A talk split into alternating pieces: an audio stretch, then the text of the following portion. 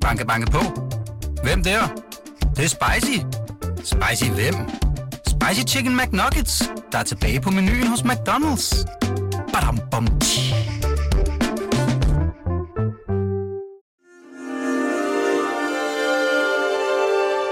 Du lytter til Weekendavisen. Her kommer det næste kapitel med Hassan Prejsler. Okay, Kåre Dybvad Bæk. Så er vi her til anden time nu i Weekendavisens studier.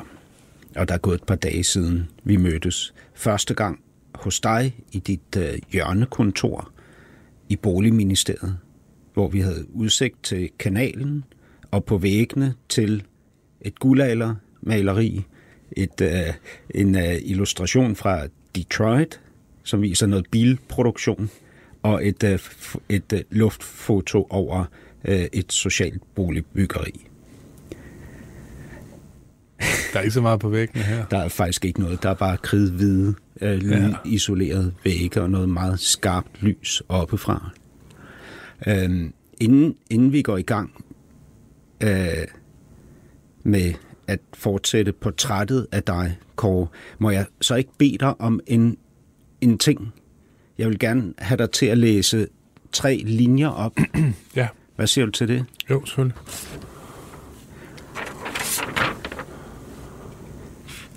Ja, Alfons Åberg er fire år. Han bor alene med sin far. Alfons Åberg vil ikke sove, og far er næsten for rar. Han læser historie og henter vand og gør dit og dat. Men da han skal finde Alfons Bamse, kommer han ikke tilbage. Hvad skete der, mund? Alfons Åberg. Det var Alfons Åberg. Ved, ved, ved du, hvorfor jeg vil have dig til at læse det op? Nej, det, det kan jeg faktisk ikke gennemskue, men jeg, Hvem er det mere end Alfons Ah, Åberg? Det er selvfølgelig hans far. Altså, men jeg har jo... Jeg ser jo Alfons Åberg i dag, og, og kan rigtig godt... De har lavet sådan nogle nye udgaver også. Jeg synes, det er rigtig... Og det kan jo være bare nostalgisk. Jeg synes, det er virkelig godt børnefjernsyn med Og hva- sådan en dreng, der bor i et socialt boligbyggeri. Og, og alle de ting, han oplever til daglig. Nå ja, det er rigtigt. Det, det kan du selvfølgelig lide. Det er klart. Jo, Men- men, jeg men- synes bare, det er jo højdepunktet på den skandinaviske velfærdsstat, at man, at man kan have et godt barneliv øh, på den kommunale skole, og med en far, der er alene, og hvor ingen, der, der er ingen, der ved, hvor moren er blevet af. Ja. Og så lever han sammen der med, med de andre børn og har det godt. Altså det synes jeg, er- det, er, det, er, jeg synes, det er et smukt ideal. Og jeg Jamen, jeg elsker også ja. Ja. Alfons Åberg. Helt klart. Øhm, det er jo svensk. Ja, bestemt. Ja, ja. Men, men der, er jo, der er jo et lag i det her, som vi slet ikke taler om, og det er jo, altså, det er jo også godt tv, fordi det bliver præsenteret så smukt. Altså, det er en flot film, ikke? og det er en mega god stemme, der læser mm. Mm. Alfons Åberg op på dansk. Ved du, ja. Ja. hvem det er, der Jamen, det, jeg tror, i det nye er det Lars Brygman. i det Men, gamle? øh, Jeg har hvad han hedder. Jeg kan godt høre, han har jo den der meget, meget. Han var inde hos Michael Bertelsen også engang i det, der hed... Det, det der, der kom efter Deadline. Jeg kan ikke huske, hvad han hedder lige nu. men Tom, Thomas Vinding. Ja, men jeg kan godt huske hans stemme. Ja. Jeg tror, at Michael Bertelsen ringede til ham bare for at høre hans stemme, fordi han synes, den var så god øh, engang.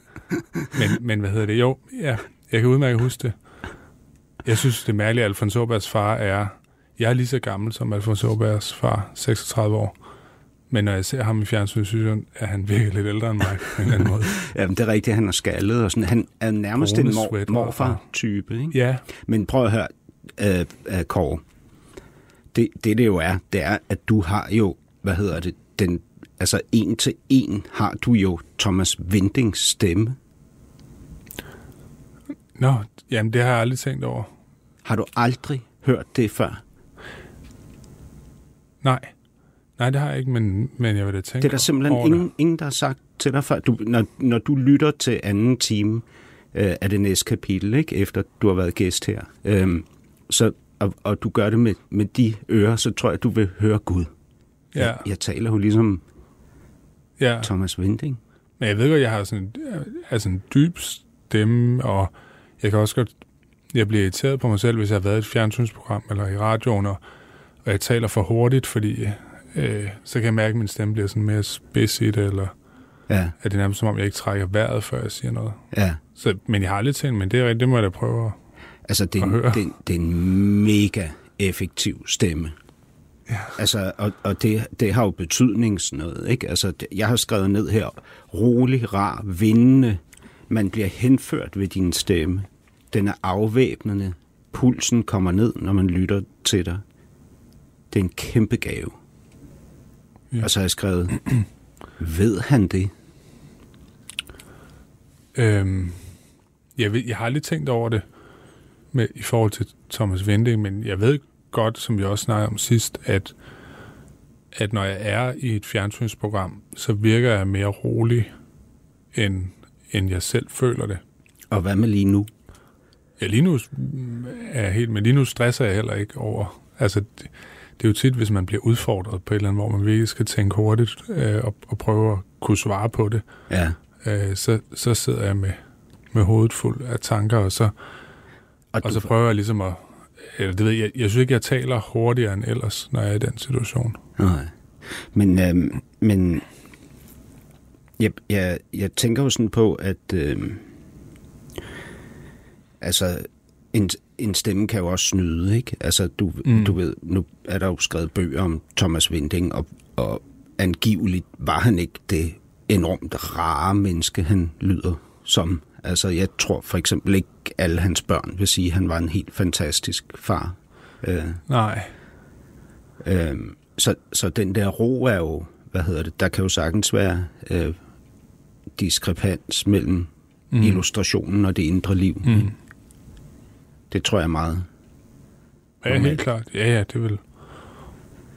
Men, men kan vi tale om lidt mere? Du, du sagde sidst, at, du, at det er jo en ro, som jeg så har defineret som påtaget, fordi du siger, indeni har du det helt anderledes. Altså, du frygter at gå ud mod kanten og ryge ud over den. Mm. For eksempel ved at komme til at sige noget dumt og blive mm. afsløret. Kan, vi, ja. kan vi tale om det? Ja, selvfølgelig. Øhm, altså, jeg snakker jo, eller taler sådan, som jeg taler, det, det kan jeg jo ikke lave om. Eller selv hvis jeg gerne vil virke stresset, så tror jeg, altså, så, så er det jo svært sådan at stille op.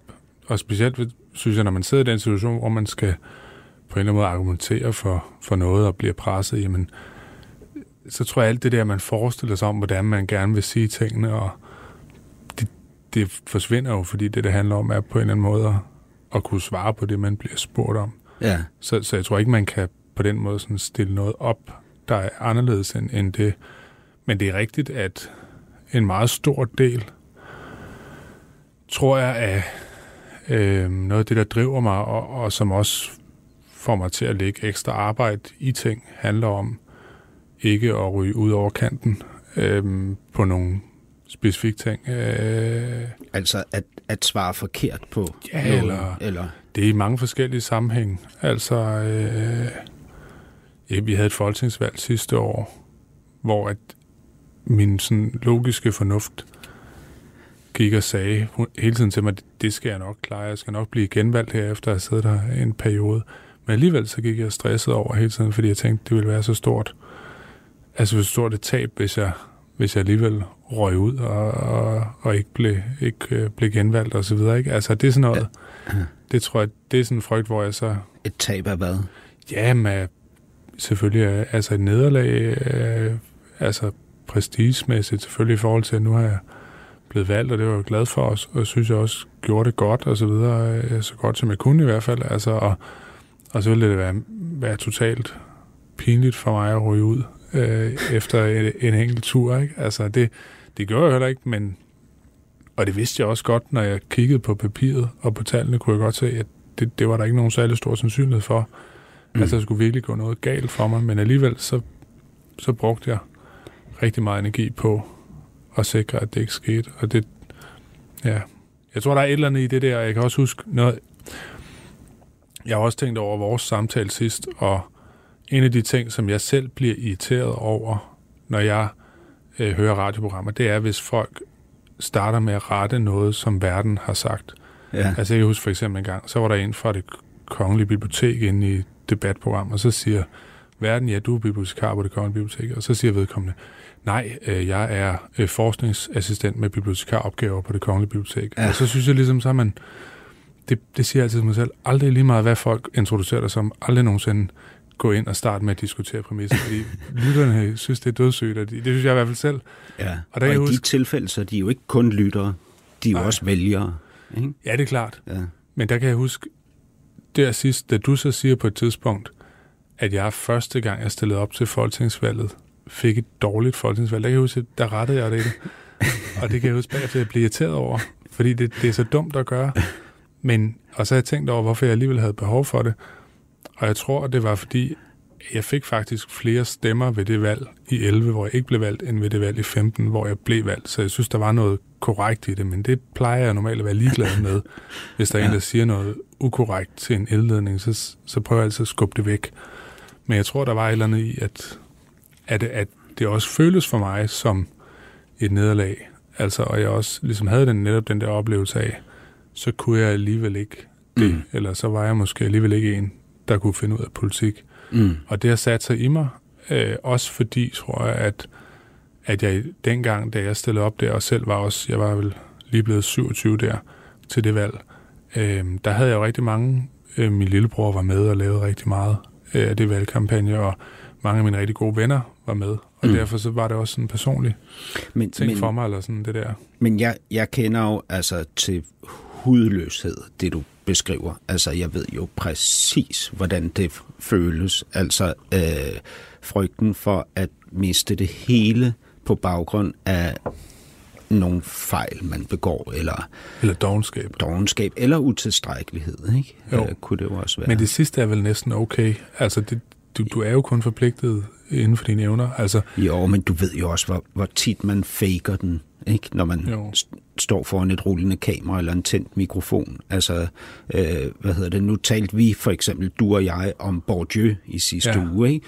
hvor jeg jo kan høre på mig selv, at jeg lader som om, jeg er helt med på, hvad det drejer sig om. Ikke? Men jeg har måttet læse op på Bourdieu for at kunne øh, hvad Ja. det, ud- udtale mig bare en lille smule kvalificeret om men ham. så er du ikke? også blevet klogere om det. Jo. Ja, ja, men, men vi faker den jo også, ikke? Altså, Jo, men omvendt vil jeg også sige, at det værste, der kunne ske for mig, var, at jeg ikke blev genvalgt til noget, eller jeg mistede min position, og folk så bagefter sagde, han mistede den, fordi han var for doven.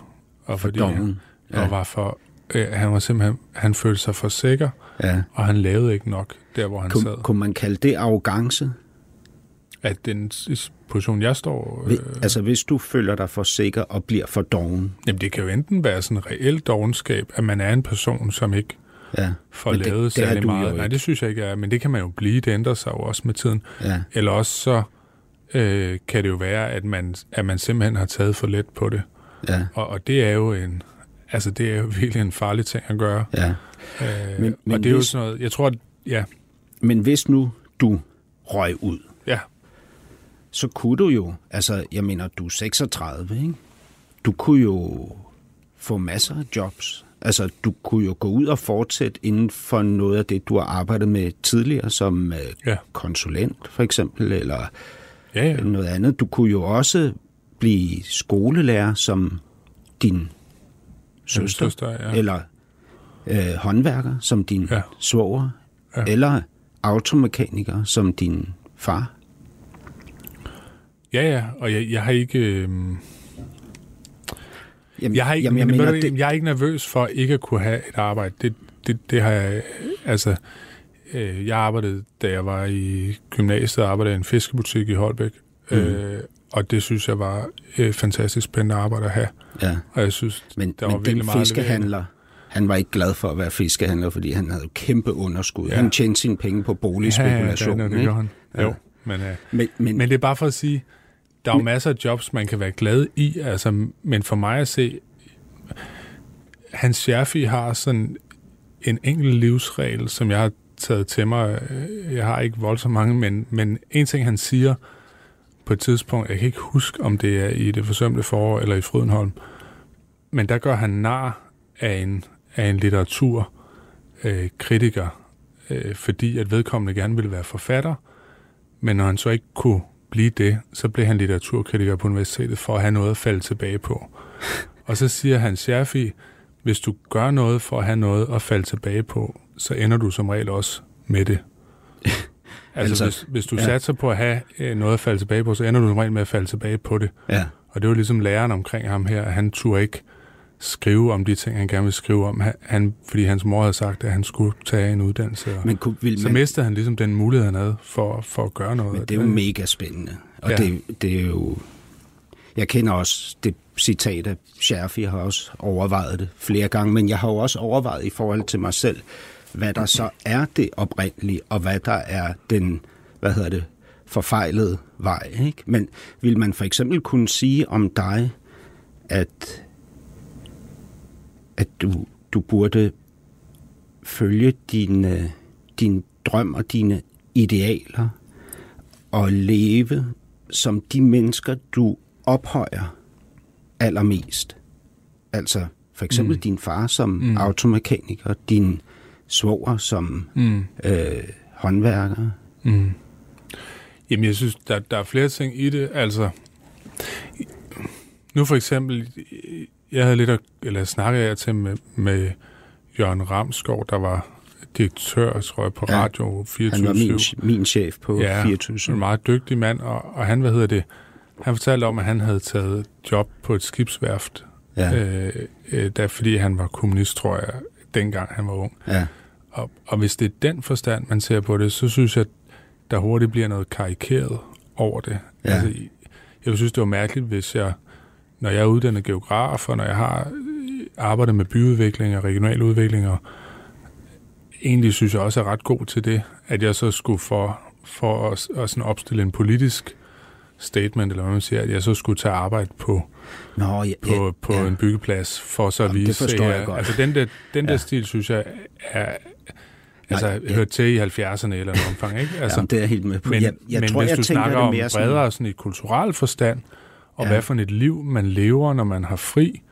øh, hvad for nogle ting, man ser i fjernsynet, hvad for et forbrug man har, øh, der tror jeg, jeg er selvfølgelig langt fra, hvad mine forældre øh, var, fordi de jo kommer fra en anden generation, og min far, han samler nedfaldsæbler op og laver æblegrød ud af dem og så videre. Altså, han kan ikke tåle at se, at de ligger der og rådner, vel? Altså, det, det er en anden generation, hvor man måske bare passede bedre på tingene i det hele taget, ikke? Men, men hvis jeg sammenligner med min søster, for eksempel, altså, så, så er det jo mange af de samme ting, vi laver. Der er ikke nogen stor forskel fra deres familie og til min. Når du nævner din far også nu med, Ja. ja. i relation til nedfaldsæblerne, ikke? så kan jeg jo mærke på dig, at der er en form for, øh, hvad hedder det, øh, noget, noget jeg, jeg ikke kun tror er romantik, men, mm. men faktisk øh, beundring. Altså, du sagde også i første time, at den der forarvelse, man havde, eller det der med, at man ser ned på typer som dine Mm. mm. forældre, ikke? at det er helt forkert, fordi de er faktisk gode samfundsborgere. Og det er de. Og de er dannet, og øh, min far kan kende forskel på træerne inde i skoven og sige, hvad for nogen der er hvad, og han kan bakke med en trailer, og han kan reparere sit hus. Han kan en masse ting, som folk, der gerne vil opfatte sig selv som dannet, tit ikke kan finde ud af. øh, og, og det er... jeg, jeg kan ikke. Ja, ja, nå, men det er bare for der. at sige, at hvis man tager sådan en, altså, hvis du siger, hvad er det at være en god samfundsborger, jamen så er der selvfølgelig det at overholde de regler, der nogle gange gælder, men, men dannelsen af den enkelte er da også enormt vigtig. Og der synes jeg tit, øh, at når jeg kommer ud, så øh, øh, hvis jeg er til julefrokost i min familie, eller hvis jeg møder folk, jeg er gået i klasse med osv., så har de en, en enormt stærk forståelse for, hvordan vores samfund hænger sammen, og den verden, der er omkring dem. Mm. Og jeg synes også, at folk, og det, det er jo tit også i den der populisme-diskussion, der er, har været sådan, i, hvert fald de sidste fire år siden det sidste amerikanske valg, men også lidt længere tilbage, der er der jo sådan en, jeg synes, der er en enorm elitær holdning nogle steder om, at, at så har folk ikke forstået ting og så videre. Og min, altså helt, sådan, helt ind i, i det inderste, der tror jeg på, at, at vores befolkning her i landet, og, og sikkert også i mange andre lande, altså grundlæggende har en enormt stærk kompas politisk for, hvad der er det rigtige at gøre, hvad der ikke er det rigtige at gøre. Mm. Øhm, og de ved ikke, min far ved heller ikke, hvad der står i finansloven nu her, eller i vores udspil, og han gider heller ikke bruge tid på det, men han forstår, hvad der er rigtigt og forkert. Han forstår, at det er, han kunne se, at det var rigtigt, at Danmark skulle med i EU i 72, og kunne se, at det var, at det er rigtigt, at vi skulle være med i NATO, og han kunne se, at det var rigtigt, at vores indvandringspolitik gik for langt, og en masse ting, altså hvor at den der fornemmelse, det der kompas er ret stærkt. Ja. Og jeg kan huske en gang, hvor at, Men det, det synes jeg jo er, altså prøv at høre, det er mega spændende. ja, Jeg synes, det er, hvad hedder det? Altså, det, det er jo mi, min, min fornemmelse for, hvordan tingene nok hænger sammen, som du bekræfter, ikke? jo, Jeg har jo også en fornemmelse af, at jeg på rigtig mange områder spilder tiden, fordi det er givet på forhånd, ikke? hvad er givet på forhånd? Ja, for eksempel det der, du siger med, Ja. at de fleste mennesker ved godt, hvad der er rigtigt og forkert. Ikke? Ja, men det tror jeg, Men tænker, jeg tror du, mavefornemmelsen er meget stærk, og jeg kan huske, tænker du det om dig selv i relation til det? Altså, jeg mener, Jamen, jeg mister da også greb om det, når jeg bruger så meget tid, som jeg gør på Slottholmen, i jakkesæt og i jakkesæt og i medier og så videre, fordi at dem, der er her, er anderledes. Øh, og Dem, der er her, siger du. ja, i, her altså i, der i, i mit ministerium, ja, og her, ministerium, også og her, her, på, ikke? i det berlingske officin og Ja. andre steder, det, det, det er jo et udsnit af befolkningen, som selvfølgelig, ligesom alle andre, øh, øh, skal være en del af, et, af en diskussion, Ja. ja. men, men som også tit tager en meget stor del af diskussionen.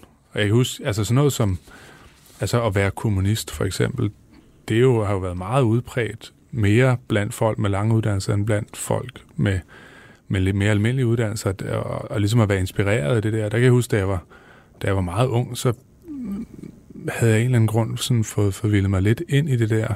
I det med- kommunistiske. Ja, eller ved at være sådan inspireret af sådan noget med, jeg kan huske, om det var øh, Sovjetunionen eller sådan noget, eller, eller Østtyskland, eller hvad det var.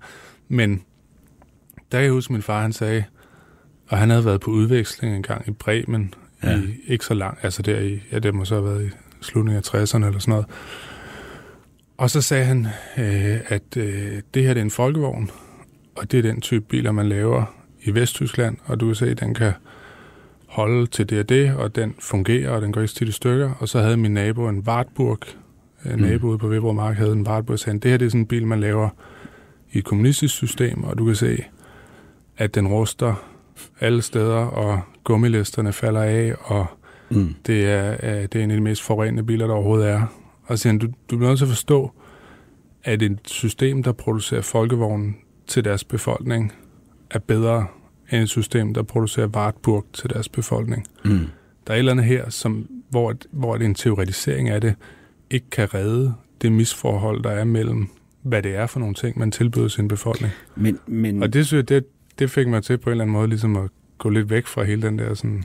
det, det er i, i sidste, øh, hvad hedder det, i det første kapitel, der sluttede vi af med at tale. Jeg, jeg sagde, at i anden time, så skal vi tale mere om dit liv og dine mindre værtskomplekser. Så det skal jeg jo, Ja, hvad hedder ja, det? Øh, Kom med det. Det har vi jo lovet lytterne, så det skal vi. Men, men jeg kunne godt tænke mig, altså det du jo siger, da du ligesom bliver spurgt, er du forberedt på magtspillet, ikke?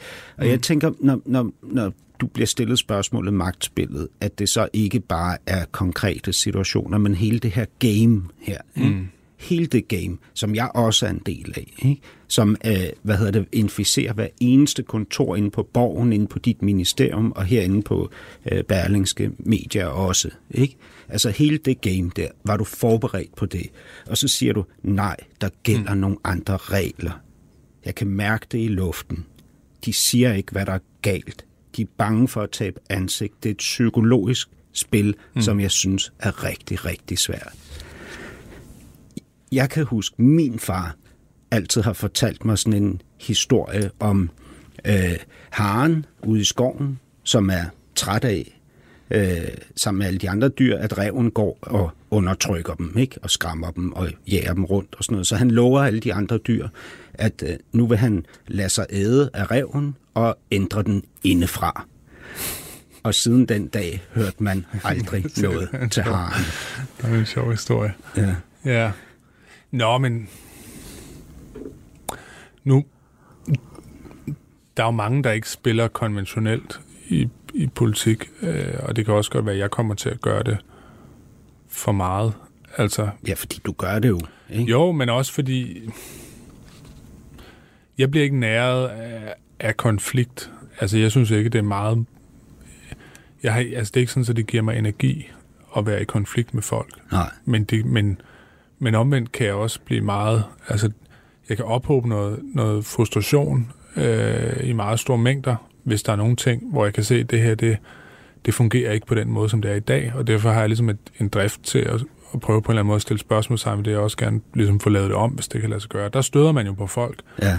Øhm, og det er ikke fordi, jeg, jeg går ikke i vejen for konflikter, og jeg kan også godt lide at være i medierne og så videre, som tror jeg mange politikere godt kan lide. ja. Hvad, Men- hvor, hvorfor? Hvad giver det?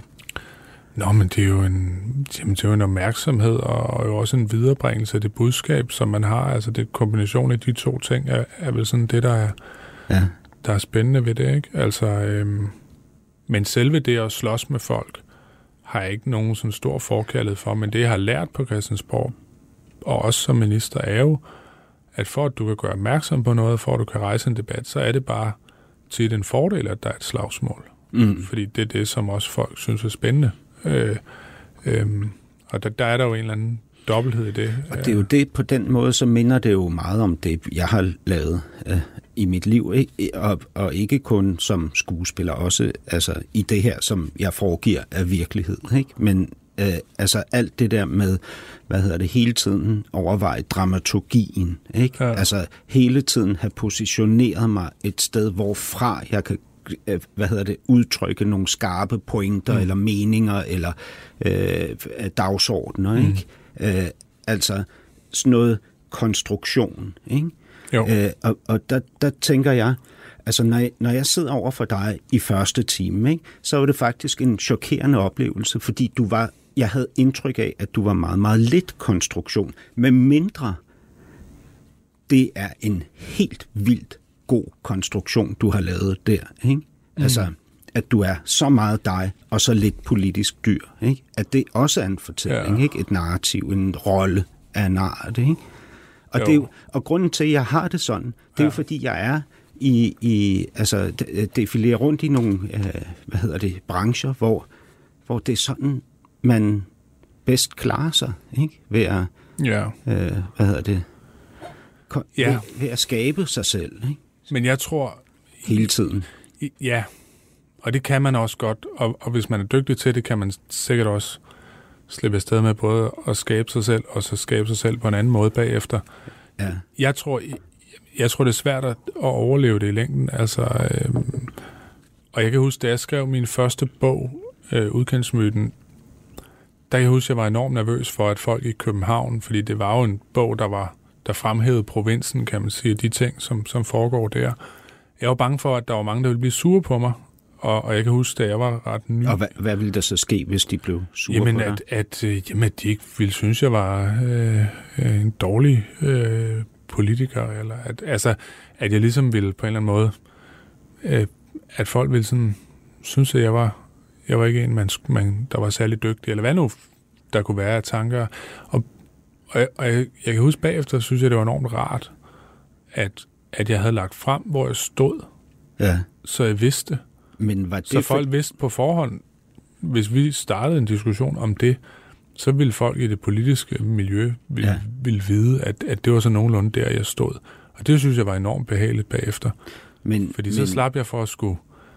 Ja, så var det heller ikke sådan, at folk... Altså, så, så var der ligesom klarhed over det, og det synes jeg var rart. Altså, og var, det, var det også fordi, du ikke blev udstødt, da bogen så udkom, men at du faktisk... Altså, var, var der også en lettelse i at opleve det?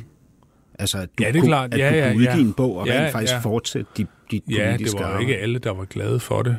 Men, men jeg synes, at... Men det fik ikke fatale Nej, overhovedet konse- ikke. Og, og hvad hedder det... Øhm, og der var selvfølgelig en del, der var kritiske, men dem, der var kritiske, øhm, synes jeg egentlig sådan anerkendt, at, at der lå et eller andet rimeligt argument bag Ja. det, eller sådan. Men jeg synes egentlig, den, det var den største gevinst ved det, var det der med, altså at når du kommer rundt forskellige steder, Ja, det kan være, at du kender det også, men altså at nogle gange taler man jo ind i den stemning, der er et sted.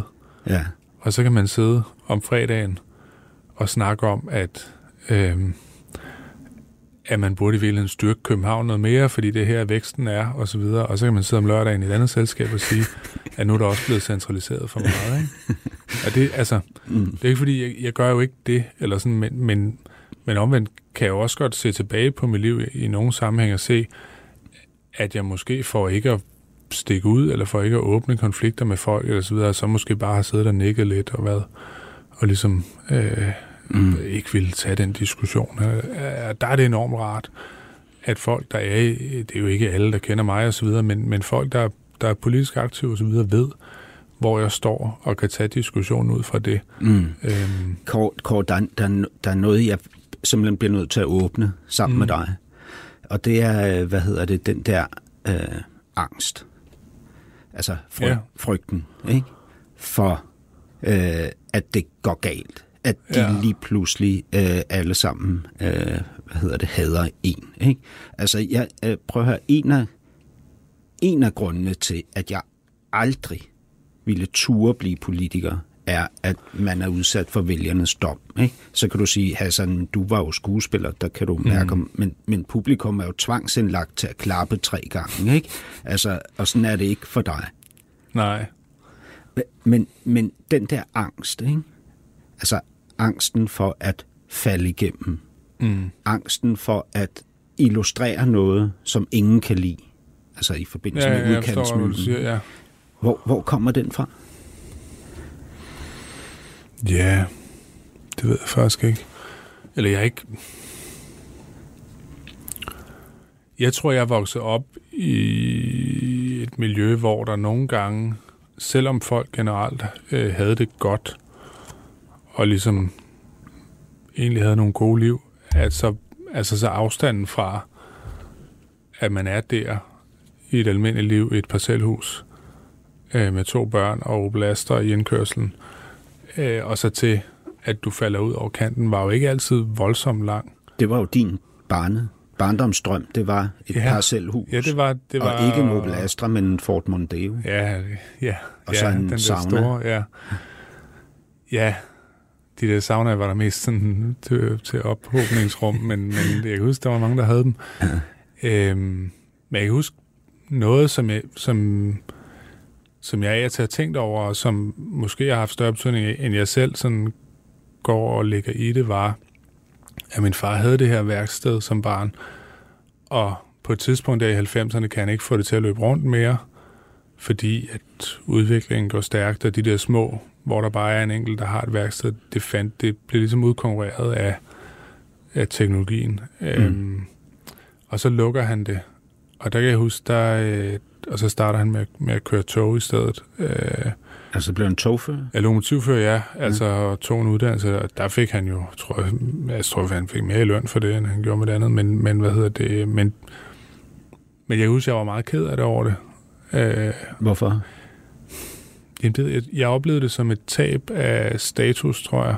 Ja. Altså, man går fra at være fri, selv at kunne bestemme og mm. styre det til at blive lagt ind i i en ramme og til at skulle, altså, øhm, ja, og jeg tror også det der med at være som barn, ikke at vide, om dine forældre ligesom kan klare det øh, igennem, eller sådan, det, det tror jeg, der er en eller anden, det tror jeg, der er noget i. Var det på det tidspunkt din stolthed over din far faldt? Øh, nej, det ved jeg ikke, om den gjorde, men Altså fordi bar- jeg, barnet, fordi, der kigger på sin far, ja. er ikke rationelt. Vel? Så nej. det er jo ikke for at sidde her og fordømme nej, din far. Nej, nej, nej. Jeg tror simpelthen, at han gjorde, hvad han kunne, men, men hvad hedder det... Øh, nej, men jeg tror bare, at... Øh,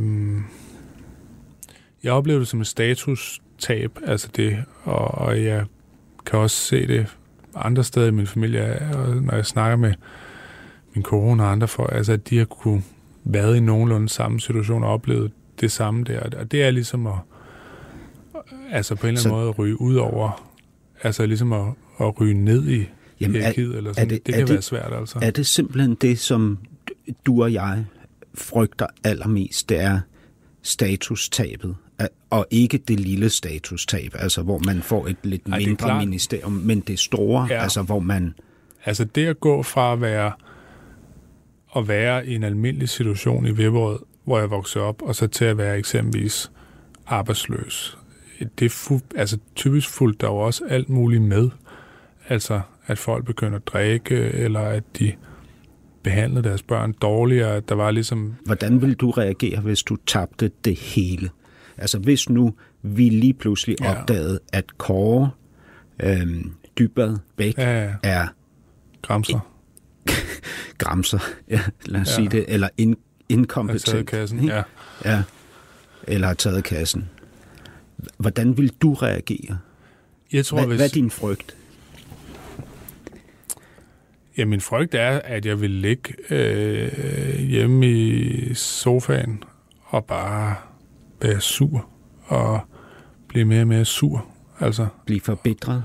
ja, Ja. og der er noget i min familie af det, eller sådan, som jeg kan genkende også på nogle af, af mine lidt ældre familiemedlemmer, som, som er at sidde og bare være sur på alle og blive uvenner med alle omkring sig. Din kone, Maiken? Øh, ja, ej, hun er nu ikke sådan, men Nej, hun er meget overværende. Ja, men, men så vil du blive uvenner med din kone, Ja, Maiken, hele tiden blive uvenner med hende, og hele tiden Og blive skilt? øh, måske... Øh, Begynde at drikke? øh, Nede på er Christianshavns ikke- Jeg har Torv? ikke rigtig... Jeg har aldrig rigtig haft anlæg til det, eller sådan, det, det er mere det at være sur og se øh, det her, som om, at hele verden på en eller anden måde er imod en. Altså, det, det ligger i, i noget af, af, af, af den arv, jeg har sådan genetisk, og det tror jeg også, jeg kunne risikere. Og jeg kan huske, at et af de største nederlag, jeg har haft, var, da det, det i 11 øh, ikke blev valgt osv., der skyndte jeg mig meget hurtigt øh, at komme i gang med noget andet. Ja. Og så slap jeg udenom det der, den der sump med at sidde og kigge ind i sig selv og finde ud af, hvad er nu årsagen, som for mit vedkommende i hvert fald kun fører til almusind og forbedrelse over tilværelsen. Ja.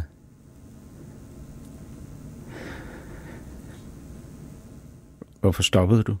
Det var fordi, du pegede på uret. Jamen, det var, om, til, havde det var til uh, produceren. Det er fordi, Nå, jeg har glemt at sætte beklager. uret i gang, så jeg vil vide, hvor Nå, lang tid jamen, det var, var. jeg tænkte, jeg havde snakket for lang tid. Nå, okay, nej.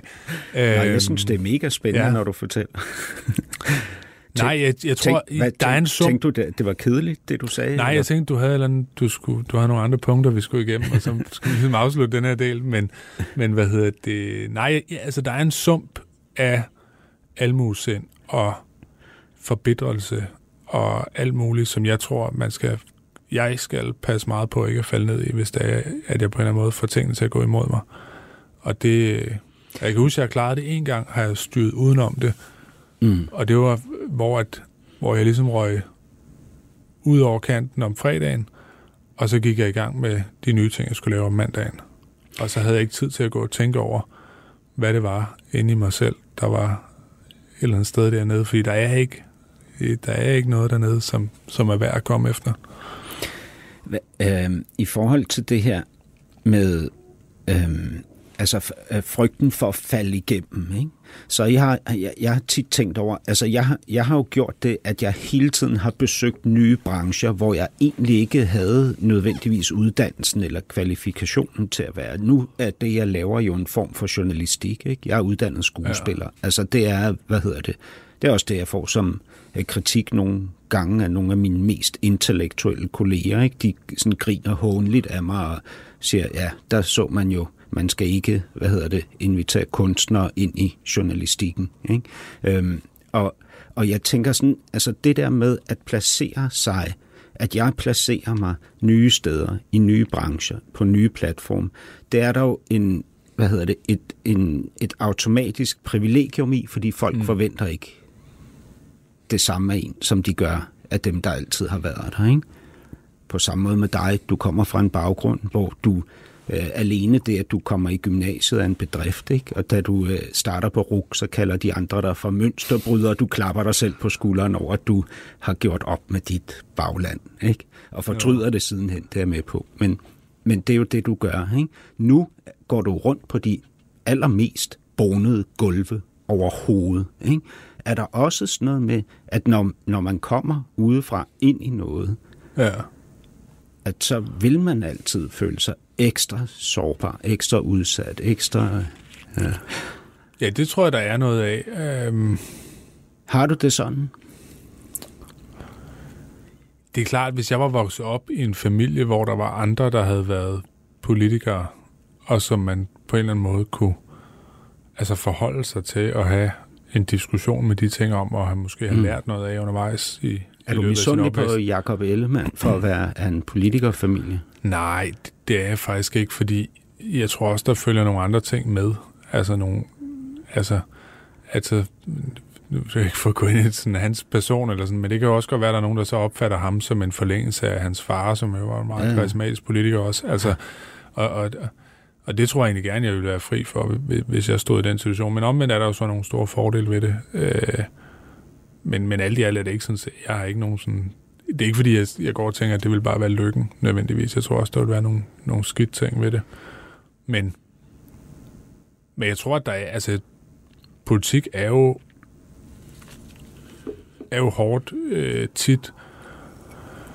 Og selvfølgelig, hvis man, altså, hvis man ryger ud, så er man jo, så er man jo ude af det, eller sådan Det er jo den angst, der på en måde ligger i det, og jeg tror, at, men jeg tror også, og det er bare en helt hjemmebrygget ting, jeg slet ikke har noget dokumentation for, men jeg tror også bare tit, dem, der virkelig flytter politiske dagsordner, det er folk, der ikke kommer fra politik det tror og som jeg kommer også. Ud det fra. tror jeg, du har så når jeg kigger jeg skulle, tilbage på ja. den tid, jeg har diskuteret politik med folk, sådan en som Rune Lykkeberg for eksempel, der kom fra en helt anden baggrund, skrev en bog i 2008, tror jeg. chefredaktør på Information. Ja, som chefredaktør, altså, og som jo fuldstændig øh, forrykkede mange af de balancer, vi sådan kendte, eller sådan, jeg synes, sådan en som Mathias Tesfaye, der kommer lidt også fra en anden baggrund, eller sådan, og, og mm. også har rykket nogle hegnspæle i forhold til, hvordan opfatter man øh, politik øh, øh, og den måde, man ser det på. Eller sådan. Mm. Og der synes jeg, der er nogle...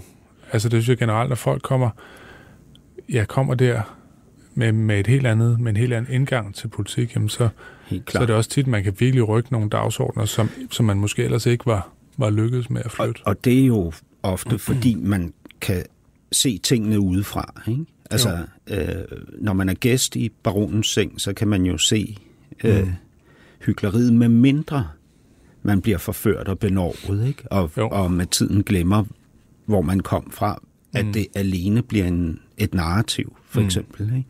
Jo. Og det, det er jo en af de ting, jeg øh, tænker over i forhold til mig selv, men også i forhold til dig. Ikke? Det er jo, at, øh, hvad hedder det, du og I har jo det her meget stærke narrativ, ligesom jeg har omkring mig selv og min flok. Ikke?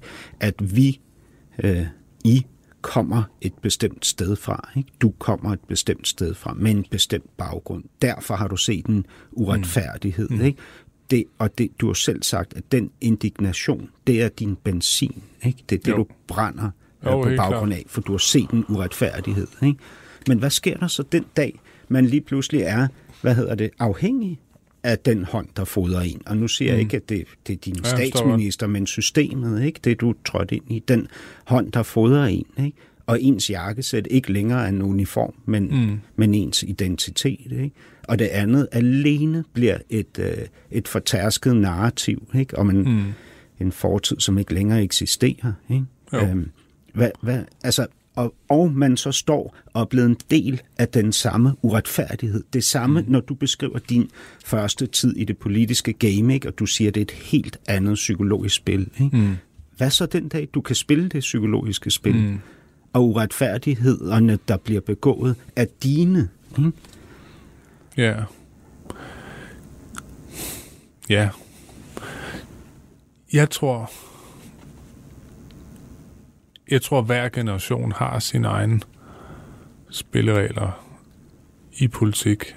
Og dem, jeg kom ind med, var jo, det jeg kom ind til, var jo for den generation, som har defineret det spillerum, der er der. Eller sådan. Og det, jeg må gøre, hvad jeg kan for ligesom at gøre det mere rimeligt, den måde, vi så diskuterer politik på. Og jeg tror, hvis man lykkes med det, så kan man også lykkes med at få de andres måde at være i politik på til at se gammeldags ud. Mm. Altså, når Rit Bjergård kaldte øh, øh, hvad hedder det, de gamle socialdemokrater for kustoderne, øh, så ramte det jo både noget, som folk havde lidt en fornemmelse af, men hun forstærkede jo også et billede af en generation, som på en eller anden måde passede øh, et museum, mens at hun og, og andre stod for det, der var det nye.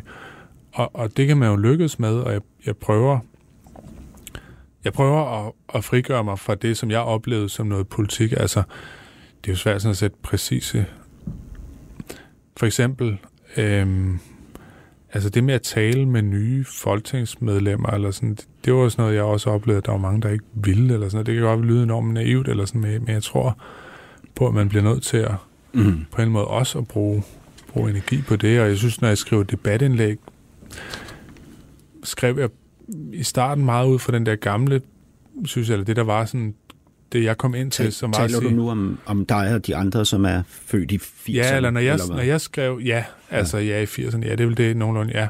Altså, men, men jeg synes, noget af det, der for eksempel dominerer blandt dem, jeg snakker med i mit parti, det er ligesom at sige, hvis man skriver debatindlæg for eksempel, så, så har jeg tit gjort sådan, og det, og det er forkert at gøre det på den måde, at når der er en, der har skrevet et eller andet om en, så tager man fat i en detalje Ja, i indlægget, og så puster man det op til at være indlæggets egentlige budskab, og så svarer man på det.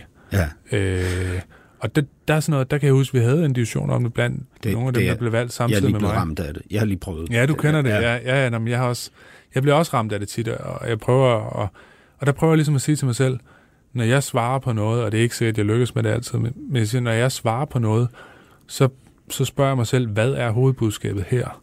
Ja, Og så svarer jeg så godt, som jeg kan, ud fra mit synspunkt, og selvfølgelig vil jeg altid, jeg, jeg fremhæver ikke altid alle svagheder i min argumentation, men jeg prøver ligesom at sige, man bliver nødt til at, til, til at læse den kritik, man får, ud fra, hvad, hvad der er ment med det, hvad hovedkritikken er. Man kan ikke bare tage fat og sige, når han skrev, øh, at det var ligesom øh, under nazismen, så må det være, at han anklager mig for at være nazist, eller, eller hvad nu man kan forestille ja. sig. Altså, og der, men, men det er der sådan, tror jeg bare, der er, et- altså, det synes jeg er sådan noget, hvor, hvor jeg prøver sådan noget, også at sige, det kan godt være, at der er nogen i den generation, jeg kommer ind til, som, som gør det, eller som jeg prøver på en eller anden måde også at men, og hive mig selv men lidt i ørerne en Men gang det er, ja, det, det er jo et rigtig godt og meget konkret eksempel. Ikke? Det jeg jo tænker på, det er den der, det store slag om magten, som du jo har beskæftiget dig med, mm.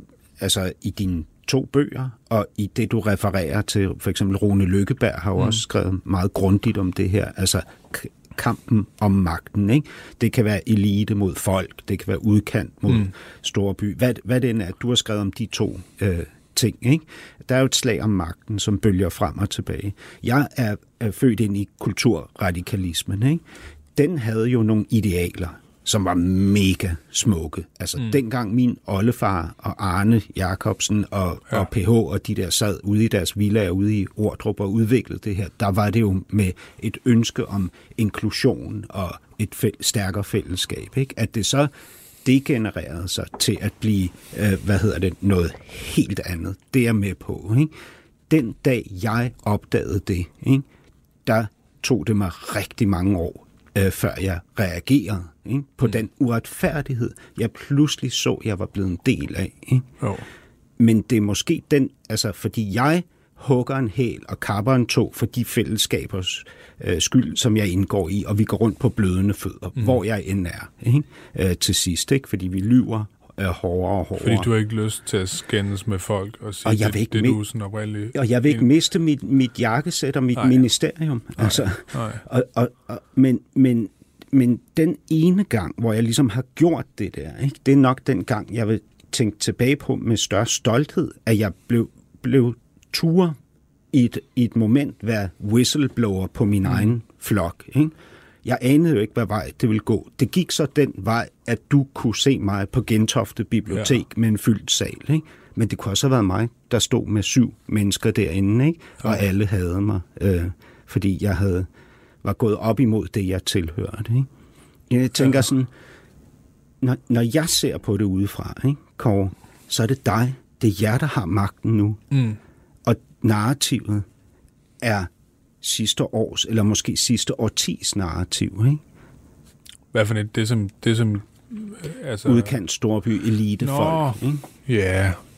Jeg, jeg synes, I har den fulde magt. Prøv at høre, der er aldrig, der, altså, i min levetid har der ikke været en statsminister, der har haft lige så stor opbakning i den brede befolkning, som, som din Men, har. men det tror jeg heller ikke, altså det, det er jeg sådan set ikke uenig i. Så du altså, mener, I har magten? Ja, ja, nej, men er du ved mig? Altså, altså også det, magten over narrativet?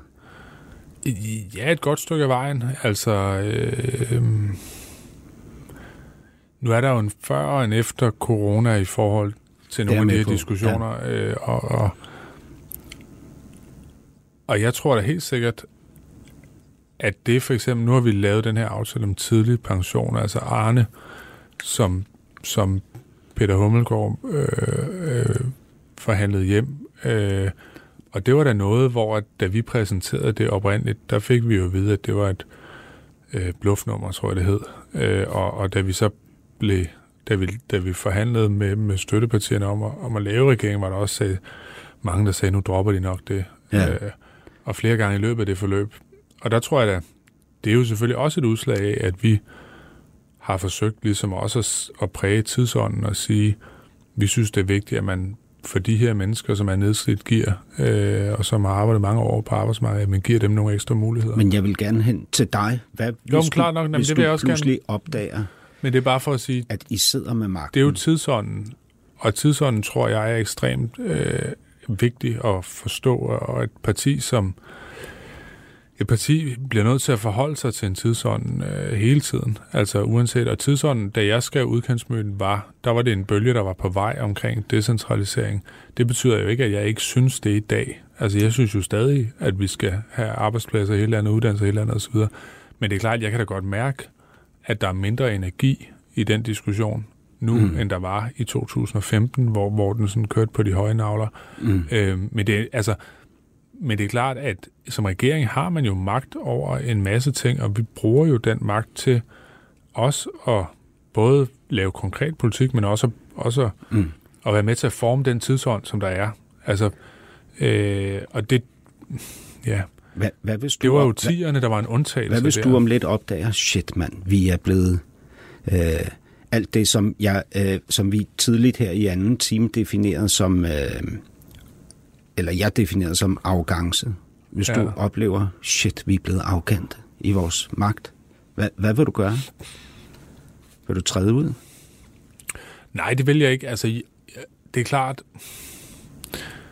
der vil altid være nogen, der synes, vi er arrogante, og som, altså, som, jeg får også at vide, at jeg er arrogant. Jeg prøver at være meget ydmyg med, med det, jeg laver. Øhm, og i nogle situationer kan man jo ende med at være det, fordi det er den mulighed, man har, hvis man skal gennemføre noget lovgivning, man, som er nødvendig af en eller anden årsag øh, økonomi eller Mm. EU, eller hvad kan det være, der, der gør, at man, at man simpelthen bliver nødt til det, eller sådan. Og, og der kan man være arrogant i forhold til det, men det er klart, at der hvor det, altså, eller man kan blive opfattet som arrogant, uden nødvendigvis, at man selv synes, det er det, man er. Men, men der hvor det er farligt, er jo selvfølgelig, hvis man helt altså, stopper med at forstå, at folk opfatter en som arrogant, hvis man Mm. ikke længere kan se, og hvis man bare per automatik affejer det og siger, at det, så må det være, fordi de ikke har forstået det. Hvis nu du en dag skulle Ja. opdage, at du er blevet øh, komplet i din magt og Ja. arrogance, som jeg gjorde omkring. Ja. mig selv på et tidspunkt, så ville du jo kunne vende tilbage og blive konsulent, eller Ja, ja. skolelærer, eller Ja, ja. håndværker som din svoger, ja. Eller automekaniker som din far. Men vi har jo også konkluderet i dag, at du kunne blive børnebogsoplæser. ja. Måske endda ja. den nye Thomas Winding, som lægger stemme til ja. Så skal jeg slås med Lars Brygman om den Men post. Kåre Dybvad Bæk, tusind tak, fordi du var gæst i det næste kapitel, og tak for din ærlighed og dit mod til at gå med. Jamen, det var dejligt at være med. Producer var Ninette Birk, tilrettelægger Peter Lindskov. Podcasten er sponsoreret af Maxus, som netop er lanceret i Danmark med 100% elektriske biler med moderne teknologi og højt udstyrsniveau. Find din forhandler på maxus-danmark.dk